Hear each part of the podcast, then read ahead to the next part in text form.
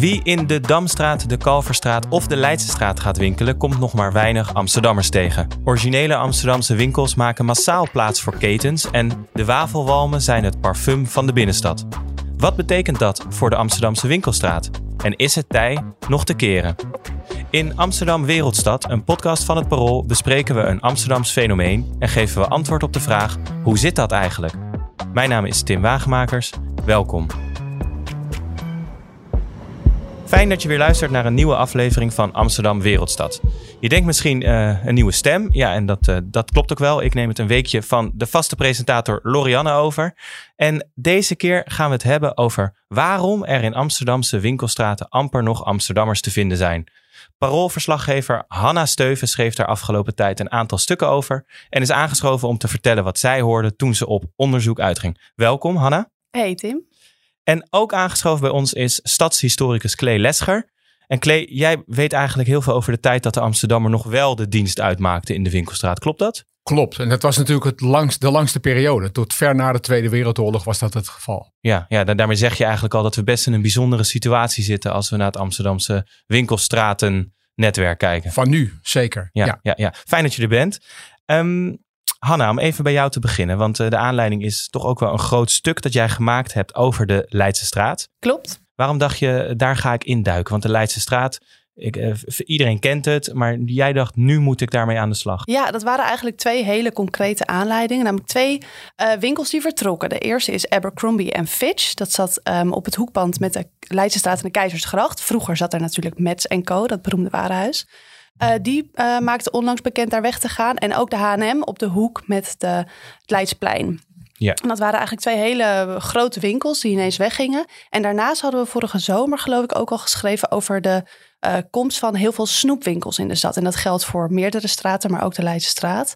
En dat waren eigenlijk een paar concrete aanleidingen dat ik en mijn collega Herman Stil, met wie ik het stuk schreef, dachten: hé, hey, daar gebeurt wat. Ja. En de Leidse straat is natuurlijk een van de bekendste straten van Amsterdam. Dus dat uh, willen we goed in de gaten houden, wat er allemaal gebeurt. Ja, want mensen hebben natuurlijk wel een beeld daarbij. Je loopt de Leidse straat in vanaf het Leidse plein en je ziet de candy store, de candy pouch, je ziet van alles. Maar jullie dachten, we moeten even uitzoeken wat gebeurt hier nou echt. En dat heb je eigenlijk op een ja, best wel grappige manier uitgezocht. Ja, geinig hè? Ja, ik gebruik daar dus Google Street View voor. Kijk, natuurlijk als je zo'n stuk maakt, praat je heel veel en uh, haal je bedrijfsgegevens online erbij. Maar Google Street View is echt een goudmijntje. Want je kan dus digitaal door zo'n straat wandelen. Maar je kan ook ongeveer tien jaar terug. Dus je kan, ja, ik ben gewoon die hele straat heen en weer gegaan. Elk pandje, jaren en jaren en jaren terug. Om zo te kijken, wat zit er nu, wat zit er eerst en hoe is die invulling veranderd? Ja, heel droog eigenlijk. Dus dat heb ik een paar, uh, paar flinke uurtjes gedaan. Ja. En zo kwam ik erachter dat uh, als we echt puur naar de Leidstraat kijken, dat de afgelopen grofweg drie jaar, dat 40% van de winkels van invulling zijn veranderd. Uh, 33 van de 76 panden. En dat vonden Herman en ik toen wel zoveel, zo'n groot verloop, dat we dachten, hey, hier speelt iets. Ja. ja. En wat is dan het opvallendste waar je achter bent gekomen dat dat verklaart? Nou, het opvallendste wat we ten eerste zagen is dat de, de invulling van die winkels, dat, is, dat verschilt best wel ook weer in die straat. Dus wat jij zei aan het begin, bij het Leidseplein, is het vooral eten. Snoepwinkels, uh, patatzaken, nieuwe Laplace. Dus echt inderdaad die walmen van die frituur, die ruik je daar. Maar aan het eind van de straat, dus meer richting uh, Koningsplein, daar heb je dan heel veel ketens. Dus dat is eigenlijk best wel een groot verschil. Um, en wat Herman dan ook zag, die haalde er natuurlijk cijfers bij van het winkelpubliek. En daar zagen we dat de Leidse straat eigenlijk een opvallende daling had aan het aantal passanten. En opmerkelijk daaraan was weer dat vooral de Amsterdammers en de Nederlandse dagjesmensen wegblijven. Ja, ja, ja. dat viel ons vooral op.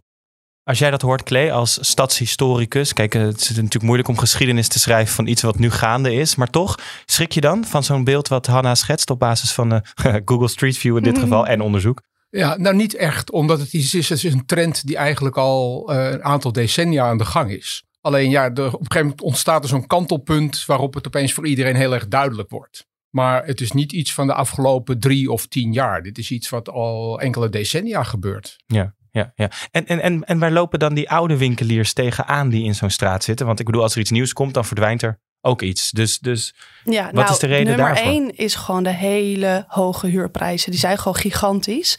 Ik sprak bijvoorbeeld een uh, ondernemer die recent was begonnen. Die had echt wel een klein winkeltje hoor. Ik denk iets van misschien 60 vierkante meter. En die zei ja, ik betaal 15.000 euro huur per maand. Dat is echt, dat zijn gigantische bedragen. En um, ja, dat verklaart ook waarom de winkels die het nog wel aandurven, dat zijn dan of buitenlandse merken die gewoon stevig in de schoenen staan en ook weten dat de passanten die nog wel komen, dat die de merken bijvoorbeeld herkennen. En de andere winkels die opduiken, dit zijn dus winkels zoals de snoepwinkels die producten verkopen van lage kwaliteit en eh, relatief veel marge pakken. Want dan kan je die 15.000 euro ophoesten. Herken jij dat, Klee, in de ontwikkeling van hoe winkels overeind zijn gaan blijven? Ja, nou het idee van die groot, van zeg maar grote marges en grote omzetten, dat is natuurlijk iets wat ja, wat een fenomeen is vanaf de 19e eeuw. Daarvoor had je natuurlijk een, uh, winkels met een vaste klanditie, met kennis met, van de winkelier en de klant. En dan ga je op een andere manier met elkaar om. Dus veel meer merkentrouw, veel meer trouw aan een bepaalde winkel. En dat is met dit soort vastgoedprijzen natuurlijk niet op te brengen. Ik bedoel, je moet gewoon omzet draaien, omzet draaien, omzet nou, draaien. Gewoon knallen, dat zeggen die ondernemers. Absoluut, Ja. dat is, er is geen alternatief. En vroeger had je relatief hoge marges en relatief kleine omzet. En dan kon je het als kleine winkelier best wel volhouden. Maar met dit soort prijzen is dat natuurlijk geen, uh, geen optie meer. Want, want, probeer voor mij eens te duiden hoe belangrijk, als we het hebben over het winkellandschap in Amsterdam, die Leidse straat eigenlijk is. Want iedereen kent het in Amsterdam. Uh, die heeft er heel anders uitgezien decennia geleden, honderd jaar geleden. Mhm. Um, was de Leidse straat een plek die essentieel was voor Amsterdammers in het verleden? Want de conclusie is nu dat er steeds minder Amsterdammers komen. Ja. Het ligt een klein beetje aan naar welke periode je kijkt. Dus de Leidse straat is een van de straten die van de oude stadsgrenzen naar de binnenstad gingen. En uh, in die periode, 17e, 18e eeuw, was het nog niet een hele belangrijke winkelstraat. Het was vooral een doorgaande straat. Dus toen de Leidse straat aangelegd werd, toen werd er vastgesteld dat de bruggen moesten zo breed zijn. Er moesten twee karren tegelijkertijd overheen kunnen. He, het was een doorgangsstraat. In de midden van de 19e eeuw zie je dat er nieuwe uitbreidingswijken gemaakt worden. Het Vondelpark en omgeving. Een luxe uitbreidingswijk. En dan zie je dat de Leidse straat opeens een verbinding wordt tussen de oude binnenstad en die luxe uitbreidingswijken rond het Vondelpark. En dan krijg je natuurlijk ook dat daar de luxere winkels terechtkomen die, nou ja, die we kennen tot voor enkele decennia geleden. Ja, ja. En is de situatie in de Leidse straat, denk je, vergelijkbaar met andere straten? Want de Kalverstraat is ook zo'n straat uh, waar, denk ik, op dit moment weinig Amsterdammers of minder Amsterdammers komen dan vroeger. Ja, het geldt eigenlijk voor alle, alle belangrijkere winkelstraten in de, in de binnenstad. En de Kalverstraat, uh, dat was natuurlijk traditioneel was dat de winkelstraat. Ook voor een wat beter publiek over het algemeen. Hè. De, laat ik zeggen, de, de Jordaan werd altijd traditioneel gezegd. De Jordaan winkelt op de Nieuwe Dijk en de Grachtengordel winkelt op de Kalverstraat. De Kalverstraat heeft die trend die op de Leidse straat nu zichtbaar is, heeft die eigenlijk eerder doorgemaakt. Dus al veel eerder is daar een, een trend ontstaan naar winkels die cateren voor een jonger publiek, voor toeristen. Het ligt gewoon dichter bij, bij de dam en dus ook makkelijker bereikbaar vanuit het Centraal Station bijvoorbeeld. Maar wat verklaart dan volgens jou misschien dat deze twee straten en dan de Kalverstraat iets eerder. Wat is de belangrijkste factor waarom dat zo veranderd is? Want ik bedoel, we hebben het nu heel erg over dat uh, bijvoorbeeld de huizenmarkt, dat er veel mensen wegtrekken naar uh, goedkopere stukken in de stad. Dat er minder Amsterdammers wonen en meer expats bijvoorbeeld in het centrum. Maar toch binnen al die ontwikkelingen moet er iets zijn wat toch het zo'n push heeft gegeven dat die winkelstraten zijn veranderd. En dat de Kalverstraat niet meer de straat was voor lokaal publiek. En de Leidsestraat ook niet. Wat, wat is dat? Nou, ik denk dat de belang, als je het hebt over het verschil tussen een Amsterdams publiek en een uh, niet-Amsterdams publiek, dan is de, opkomst van het massatoerisme is natuurlijk gewoon de belangrijkste factor. En die heeft ervoor gezorgd dat er groot aantallen mensen die uh, die binnenstad inlopen en daar ook inkopen doen. En daarmee zijn de vastgoedprijzen enorm omhoog gegaan, vooral na de jaren zeventig. Toen was Amsterdam, vastgoed in Amsterdam was relatief goedkoop, dus er is heel veel geïnvesteerd door investeringsmaatschappijen. Ja, en dan gaat gewoon het rendement speelt. De kleine zelfstandige winkeliers die er altijd zaten in de Leidse straat en de Kalfstraat, die zijn verdwenen. Vastgoedprijzen gaan omhoog. En dan zie je dat het winkelapparaat zich aanpast aan, ja, aan de mogelijkheden die er zijn, het publiek dat er komt. En dit versterkt zich ook natuurlijk heel snel. Want als je um, die winkeliers die passen zich aan aan het publiek dat er nog wel komt. Dat zijn dan automatisch weer nieuwe, de nieuwe zaken. Vindt de Amsterdammer dan automatisch weer niet zo boeiend. Dus de Amsterdammer krijgt er steeds minder en minder te zoeken. Dat is eigenlijk ook een beetje treurig, maar zo werkt het dan. Maar toch, als ik, als ik door de Leidse straat loop, kijk, de, de, dan moet ik zeggen dat er is veel loop. Er gaan veel uh, toeristen gaan naar de McDonald's bijvoorbeeld. Maar de, de wafelzaak daartegenover of de, het toeristenwinkeltje met sleutelhangers. Kunnen die nieuwe winkels, hebben die dan zoveel aanloop dat die wel die 15.000 nou, euro per maand kunnen betalen? Een goede vraag die je stelt. Want wat ik vaak te horen krijg is nou die snoepwinkels, dat zijn toch witwaspraktijken? Ja. Ehm, dat heb ik uh, niet kunnen ontdekken, zeg ik eerlijk. Maar wat een winkelier uh, me vertelde die naast een grote snoepwinkel zit, dat, die zei, ze verkopen als een malle. Het gaat hartstikke goed. Ze zei ook, dat zijn eigenlijk hele leuke jongens. Ze werken hard, maar ze draaien gewoon keiharde omzet. Maar ja, snoep koop je natuurlijk weer voor een appel en een ei in. En uh, als je naar buiten staat, dan heb je zo met een klein zakje B 10 euro kwijt. Dus wat, wat ik van ondernemers hoor is, ja, het, dat verkoopt. Ja ja, ja. Um, misschien even terug, Klee. Want je bent stadshistoricus, je hebt altijd onderzoek gedaan naar het winkellandschap. Hm. Waarom is dat winkelen zo belangrijk om iets te begrijpen over de maatschappij waar we in leven? Ja, het zegt natuurlijk heel veel over, het zegt heel veel over inkomen, over geld. En het zegt natuurlijk ook heel veel over wat mensen belangrijk vinden. Ik bedoel, winkelen is een manier om je te profileren. De dingen die je koopt, die gebruik je ook om een boodschap af te geven aan de, de wereld om je heen. Hè? De kleding waar je je in kleedt of het interieur van je huis. Dus winkelen is heel belangrijk. En het maakt steden heel levendig. Hè? Je moet je eigenlijk niet voorstellen dat er echt uh, straten zijn, voormalige winkelstraten, waar al die winkels uit verdwenen zijn. Nou, dat hele concept van die dark stores, dat is natuurlijk een, uh, een goed voorbeeld daarvan. Maar zo wil je natuurlijk niet hele straten hebben. Dus winkelstraten zijn heel belangrijk voor de levendigheid van de stad, voor het, het, het verkeer, zeg maar, voor de mensen die daar rondlopen. Het is een, uh, een essentieel onderdeel van stedelijk leven, denk ik. In de tijd voordat er, uh, dat je op zondag open mocht, hè, was gewoon verplichte zondagsluiting. Dus alles was dicht op zondag. Maar mijn ouders die gingen uh, op zondag, en zij niet alleen, was druk, die gingen op zondag door de Kalverstraat lopen om in etalages te kijken. Ja. Ik bedoel, je kon niks kopen, maar ze liepen er gewoon doorheen om te kijken van, god, wat wordt er allemaal aangeboden en dit en dat en zus en zo. Window shopping. Ja, window shopping, maar dan bij dichte winkels. Dat, uh, voor kinderen was dat iets minder aantrekkelijk. Dus uh, wij verveelden ons tamelijk. Maar mijn ouders vonden dat uh, heel leuk. En het was ook druk op zondag in, die, in de Kalverstraat. Ja, Gewoon ja. met wandelend publiek. We hebben het gehad over het perspectief van de stad die verandert en ook uh, van de mensen die doorheen lopen. Maar hoe zit het met de winkeliers zelf? Want ik kan me voorstellen, kijk, uh, vroeger ging ik, ik kom niet uit Amsterdam, ging ik ook uh, naar Amsterdam om te winkelen. Dus, dus die winkeliers die hoefden niet per se Amsterdammers in de winkel te hebben, dacht ik altijd. Die willen gewoon bezoek hebben en lekker een dagje winkelen in Amsterdam is gewoon een concept. Dus, dus staat er voor die winkeliers ook iets op het spel qua het stadse karakter? Ja, toch wel. De ondernemers die ik sprak, die vinden het natuurlijk gewoon hartstikke leuk om buurtgenoten uh, in hun winkel te krijgen. Om mensen te leren kennen, een praatje te maken, vaste klantenkring opbouwen. Dat is natuurlijk gewoon, dat, dat maakt je vak ook ontzettend leuk. Um, maar wat bijvoorbeeld een ondernemer mij vertelde is, ze zei er komen heus wel Amsterdammers, maar het kost er ontzettend veel moeite om ze aan zich te binden. Zegt als er een Amsterdammer hier komt, ik moet echt uh, ik moet een praatje maken, ik moet mijn best doen. Ze zegt, ik geef iedereen 10% korting die in Amsterdam woont, puur om ze aan me vast te houden. Ja, ze zei met kerst had ze een soort hele hysterische kerstslinger aan de gevel gehangen. Zeg, ja, anders val ik niet op. Ze, doet echt heel, ze moet echt heel veel moeite doen, maar ja, dat vindt ze leuk. Dus in die zin staat er wel voor hun wat op het spel. Zij vinden dat wel belangrijk om ook dat soort mensen uh, in hun zaak te krijgen. Want dat is het dubbele, hè? want heel veel mensen, uh, als ik rondvraag, die zeggen, ik wil niet per se uh, in de Leidstraat de Kalverstraat, daar kom ik niet heel vaak. Ik bedoel, in de Leidstraat zitten trouwens ook nog wel echt wel wat kledingwinkels waar Amsterdammers ja, wel komen. Het is niet zo dat er alles uh, de, de snoepwinkel is. Maar toch op het moment dat we lezen over een historische winkel die verdwijnt in een van die straten, dan reageren Amsterdammers ontzettend emotioneel uh, en, en geschokt van weer verdwijnt er iets authentieks uit de stad. Vind je dat terecht? Ja, je hebt het nu over Eigots delicatessen. Ja, ja, ja dat, dat deed pijn. Dat was een hele beroemde delicatessenzaak. Die zat 144 jaar in de Leidse straat. Het begon als levensmiddelenwinkel voor, de, nou, voor die grachtengordelbewoner, waar Kleed net over had. En uh, de afgelopen jaren was meer een, een uh, delicatessenwinkel voor Britse en Amerikaanse uh, jam en thee en dat soort bijzondere etenswaren. Afgelopen augustus zijn die laatste eigenaars met pensioen gegaan. En toen ik er een paar weken geleden voor mijn artikel was, zag ik dat de winkel min of meer in stand was gehouden. Dus je had nog de jaren 30 uh, tegeltjesvloer, oude schappen met die Britse en Amerikaanse levensmiddelen. Maar er lag ook snoep, Pokémon kaarten, wereldstekkers, flessen spa op de grond, achterin een televisiescherm waar keiharde popmuziek op uitknalde.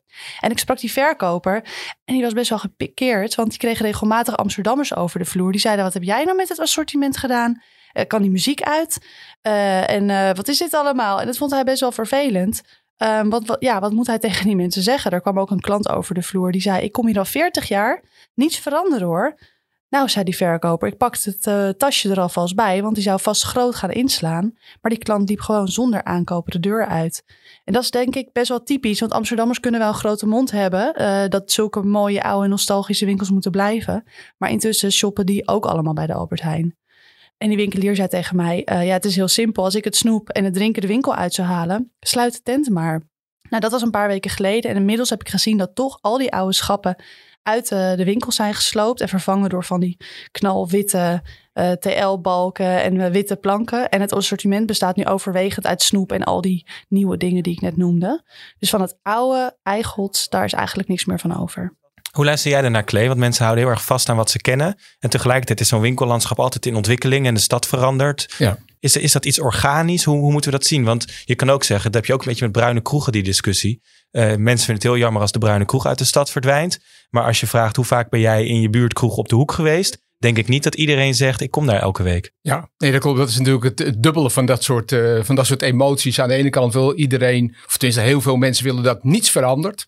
Maar tegelijkertijd willen ze ook niet zelf uh, bijdragen aan de, aan de continuïteit van dat soort winkels. Ik bedoel, de mensen die klagen dat niets mag veranderen aan winkels, zijn ook de mensen die bijvoorbeeld heel veel online kopen. Denk Precies, ik, ja, weet je, ja. Ik bedoel, als je wil dat winkels blijven bestaan, dan moet je gewoon niet online kopen. Dan moet je naar een winkel toe gaan. Ja. En dat is natuurlijk een beetje het dubbele van dit soort uh, emoties. En ik denk dat die, die winkelier die jij sprak, die heeft groot gelijk. Ik bedoel, als je dit soort huren wil opbrengen, dan moet je wel gewoon uh, spul verkopen wat uh, met enorme marges en grote omzet. En, Ja, hij is geen goed doel, hij is geen stichting. Hij moet ook gewoon om, omzet draaien. Ja, ja. Nou, dat lijkt me een goed ja. punt. en hoe zit het dan eigenlijk? Want, want we beschrijven nu, denk ik, een beetje een organisch proces waarbij we zien uh, de, de, de markt, uh, de hogere huurprijs, het veranderend winkelgedrag, demografisch, mensen gaan anders worden. Het zijn allemaal uh, ontwikkelingen. Tegelijkertijd, de gemeente, die wil heel graag het karakter van de binnenstad. nou, ik denk eigenlijk dat terugveroveren wel het goede woord is. Dat zou mm -hmm. punt zijn dat ze de binnenstad willen terugveroveren daarin. Kunnen ze daar grip op krijgen? Want ze strijden tegen enorme krachten als we dat zo een beetje op een ja. rijtje zetten. Nou, dat is moeilijk. Eigenlijk de belangrijkste ingreep die is al vijf jaar geleden uh, uh, ingesteld. En was een verbod op toeristenwinkels. En dat gold voor de oude binnenstad en 40 omliggende straten. En er waren eigenlijk drie categorie winkels die daar niet meer mochten starten. Dat waren typische toeristenwinkels, gewoon met uh, snuisterijen en ticketshops en smartshops, dat soort dingen. Het waren winkels voor eten voor directe consumptie. Dus dan moest je aan Nutella dingen denken en wafels en zo. En de derde was mengformules. Dus winkels dat je binnen een paar stoeltjes had waar je dat mocht opeten. Nou, dan zou je denken, dat is best nog wel specifiek. Maar bijvoorbeeld snoepwinkels valt daar niet onder. Dus de vraag wanneer is een toeristenzaak een toeristenzaak is echt super moeilijk te beantwoorden. Um, overigens, een van de snoepwinkels in de Leidsestraat is weg. Weet je wat daarvoor in de plaats komt? Een badeentjeswinkel. Ja, ik sprak een bewoner om de hoek. Die zei, badeentjes, wat hebben wij daar nou weer aan? Maar ja, dat is ook zoiets. Toeristen vinden dat waarschijnlijk geinig, leuk om mee te nemen. Maar dat staat natuurlijk niet in zo'n bestemmingsplan vastgelegd, badeentjes. Een ander heel berucht voorbeeld is een rel om de seafood shop. Dat is zo'n viswinkel die ja, in de Leidstraat was ook in de Leidstraat, ja. Ja, en daar, die zat daar al best wel lang. En die moest weg, want die viel onder een van die categorieën. Want je mocht je visje in de zaak opeten. Kon niet, vond de gemeente, moest weg. Het is een hele rel geworden. En vooral buurtbewoners waren echt boos daarover. Want uh, het is in, in de Leidse straat of in de Leidse buurt... een van de weinige plekken waar je nog gewoon lekker een uh, haringkie binnen kan eten. Of überhaupt kan eten. En dat moest toen weg. En um, dat toont denk ik aan hoe lastig het is voor de gemeente om hier grip op te krijgen. En als bewoner of ondernemer kan je wel zeggen, verbied die snoepwinkels gewoon. Maar zo makkelijk is het echt niet. Dus dat toont denk ik aan hoe, hoe groot die worsteling is. Heeft de gemeente historisch gezien een belangrijk aandeel gehad, of het stadsbestuur vroeger, in hoe de winkelstraten eruit zien? Is dat iets waar zij, want nu proberen ze dat hè, met bestemmingsplannen, maar dan zie je dat er toch gezocht wordt naar ja, ontsnappingsmogelijkheden om toch die grote marges te kunnen pakken op vooral Precies. toeristen die langskomen. Maar in het verleden, heeft de gemeente daarop gestuurd of is dat... Um, nou, vanaf de Tweede Wereldoorlog is er wel op gestuurd. Op uh, zeg maar het in, inrichten van het winkellandschap op een manier zodat, en dat was de, de achterliggende gedachte, zodat iedereen in de nabijheid van winkelvoorzieningen woonde. In de hele periode daarvoor niet. Het was gewoon de vrije markt en die bepaalde of jij uh, waar je wilde vestigen en wat je wilde verkopen. Maar het probleem is inderdaad, ja, ik denk wat jullie net al zeggen. Het zijn een aantal hele grote trends. Uh, massatoerisme, maar ook bijvoorbeeld de koop van relatief goedkope spullen die niet lang meegaan. Die elk seizoen vervangen moeten worden of om de paar jaar vervangen moeten worden. Ja, want we hebben natuurlijk ook heel veel fast fashion zaken in, in die straten, Absoluut. toch? Ja, en Ja. die zijn niet alleen voor toeristen. Daar komen ook Amsterdammers naartoe. Absoluut. En dat zijn dat soort trends die, eh, ja, die eigenlijk heel bepalend zijn voor het winkellandschap. De, de, enige echte constante van het winkellandschap is dat de winkels en de winkeliers zich voortdurend aanpassen aan zeg maar, de grote maatschappelijke ontwikkelingen. Ja, en de maatschappelijke ontwikkelingen van deze periode zijn eh massatoerisme, eh impuls aankopen en het kopen van spullen die relatief goedkoop zijn en niet lang meegaan als die trends niet veranderen, en je hoopt dat ze veranderen uit, vanuit het perspectief van eh, milieu en duurzaamheid, als die trends niet veranderen, dan is er voor een gemeente maar heel weinig ruimte om echt iets te doen. De negen straatjes trouwens, zit ik te denken, is ook zo'n voorbeeld. Hè, waar nu het heel druk wordt, maar waar nog wel dat karakter in zit. Eh, daar heb je misschien nog wat meer van die aparte boutiquejes en zo, denk ik. Ja. Ja, ja. Ja. Het begint wel te veranderen. Hè, je Mhm. ziet ook in de negen straatjes zie je nu ook ketens komen. Zaken die, zeg maar, de eenpitters, zoals ze vroeger gezegd werden, die zijn er natuurlijk steeds minder. Wordt er wel gedacht aan structurele oplossingen? Want dat is natuurlijk wat ze een beetje met die bestemmingsplannen proberen te doen. Maar dat is toch, ja, ik zie dat toch een beetje als, eh, eh, hoe zeg je dat? Eh erachteraan jagen. En steeds zien van wat wordt er nu weer bedacht. Kunnen we daar een loophole voor bedenken? Zo voelt het voor veel mensen, denk ik wel. Maar dat is tot nu toe het enige wat de, de gemeente echt kan. Kijk, als eigenaar van een pand mag je mag je, je eh, pand gewoon verhuren aan wie jij wil, mits dat past in het bestemmingsplan. Dus eh, ja, het voelt als er achteraan lopen. En dat is het in zekere zin ook gewoon. Ehm, maar verder kan de gemeente niet zoveel op dit moment. Weet je eigenlijk ook iets, en dat is ook een beeld wat bij sommige mensen leeft, dat eh, vooral bij de zaken die op toeristen gericht zijn, eh, ook vaak buitenlandse investeerders erachter zitten of dat buitenlandse eigenaren zijn. Als, als, jij, als jij rondvroeg bij eigenaren, Dat viel eigenlijk wel mee. Nee, de, in de Leidse straat zitten twee echt Amsterdamse toeristenwinkels. Gewoon echt met klompjes en eh, magneetjes en noem maar op. En ook nog een, dat zou ik geen souvenirwinkel willen noemen, maar Amsterdam Original soort kledingwinkel met, met hoodies en t-shirts met Amsterdam erop. Is ook gewoon een Amsterdamse eigenares hoor. Ja, je hebt ook een stuk gemaakt over de Spiegelstraat. Die is misschien ook nog wel interessant om te ja noemen, want dat is ook klopt. nog zo'n typisch... de. Ja, maar dat is ook zo'n typisch eh. Amsterdamse zaak. Heel veel antiekwinkels zitten Ja. daar, eh, Curiosa. Ja. Maar die, die- dat is ook zo'n straat die, die scherp verandert. Klopt, dat is, dat is nog een heel geval apart. Daar zijn, eh, ik geloof, eh 30% van de antiekzaken in korte tijd, heb ik het over antiek, kunst en juwelen, zijn vertrokken. En dat heeft ook heel erg te maken met inderdaad hoge huren, massatoerisme, maar ook met mode. Want kunst en antiek, ja, bruine meubels. Vroeger kon je er echt een paar duizend euro voor zo'n antieke kast krijgen, maar nu raak je het echt aan de straatstenen niet kwijt. Dus dat is ook een straat die heel snel verandert. En dat doet misschien nog wel een beetje meer zeer dan de Leidse straat voor de Amsterdammer, omdat dat zo uniek was. Het was dat, dat ene straatje van de binnenstad naar het Rijksmuseum, het, het Antiek District. eh, en daar is nu echt wel vrij weinig, eh, blijft daarvan over. En dat is, dat is ook wel zonde, zou je kunnen Ja. zeggen. Ik herinner me altijd vroeger, dan noemden mijn ouders het gratis Rijksmuseum. Kon naar het Rijksmuseum, daar moest je wat voor betalen. In de Spiegelstraat Nou, kon je gewoon lekker kijk, rondkijken. Kijken, kijken, niet kopen. Dat is echt wat die, wat die ondernemers allemaal tegen mij zeiden. Me- mensen komen gewoon binnen, kijken rond, maken nog een selfie met een oud scheepsmodel en vertrekken weer. Maar ja, dat valt gewoon geen omzet om te, op te draaien. Klee, hoe kijk jij naar de toekomst van die winkelstraat? Want, want je hebt al iets gezegd over de constante die er altijd in zit. Ben je, ben je positief? Want ja, bijvoorbeeld die Spiegelstraat bewijst ook als ik Hanna hoor dat winkeliers op zoek moeten naar innovatie. Dat is natuurlijk een ander woord wat Mhm. hierin zit. Ik zal niet zeggen dat de badeentjeswinkel een innovatie is, maar hè, het winkellandschap innoveert naar hoe de samenleving ook verandert. Ja, precies. Ben je dan optimistisch? Ehm, nou, laat ik zeggen, ik, ik hoop dat het, dat het optimisme gerechtvaardigd is. En eh, dan blijf ik toch een beetje over, over het online shoppen gaan. Laat ik zeggen, die binnenstad denk ik van oké, dat, dat blijft wel een winkelgebied. En of Amsterdammers daar heel gelukkig van worden, dat is een ander verhaal. Maar die winkels die blijven daar wel, omdat ja, dat toerisme zorgt gewoon voor omzet. Maar daarbuiten is het denk ik, is het voor veel winkels wel echt een probleem. En wat ik vooral jammer vind, is dat de diversiteit heel erg verdwijnt. Als je nu eh, in alle Nederlandse steden de belangrijke winkelstraat doorloopt, dan zie je overal dezelfde Alles winkels. is hetzelfde. Alles is keten. En het zijn allemaal dezelfde ketens. En dat is wel iets wat heel erg eh, veranderd is. Om, omdat eigenlijk simpelweg omdat de zelfstandige winkelier verdwenen is. de kleine winkel die een heel apart aanbod heeft, wat je nergens anders treft. Dat was vroeger uh, ja, de standaard in de Kalverstraat. Daar ging je naartoe voor die hele speciale vulpennen. Daar ging je naartoe voor al die hele speciale dingen. Ja, dat is gewoon niet meer. Dat... Jij, jij bent zelf ook een winkelierskind, toch? Ja, ik ben zelf ook een winkelierskind. Ja, want, want, ja. Ik, want ik zie het ook aan je dat je, dat je eigenlijk gewoon vol passie wil dat dat behouden blijft. Ja, ik vind het heel jammer. Er is heel veel verloren gegaan. Ik bedoel, ik zie wel dat er ook wat dingen voor terugkomen. Maar de, de diversiteit die er ooit was, het is wel heel jammer dat dat verloren is gegaan. Ja, klopt. En, en misschien de laatste ontwikkeling is ook wel dat in de Leidse straat komt, bijvoorbeeld op die plek van Abercrombie en Fitch. Ja. Uh, was, was een kledingzaak, wordt nu een, een elektrische van Nio. Nio, Nio ja. en, en nou, vertel even wat daarin komt. Want dat zegt ook iets over de andere manier waarop Ja, uh, zeker. winkeliers Ja, mensen dat- naar hun plek willen lokken. Ja, daar komt een winkel van eh, NIO. Dat is een elektrische auto, eh Chinees eh, automerk voor elektrische voertuigen. En het- wat het interessante daaraan is, is dat het niet alleen maar een showroom wordt met een paar auto's beneden. Je kan kijken en ja, wie gaat die auto kopen? Maar er komt ook geloof ik een yoga studio in en een restaurant en werkplekken voor medewerkers.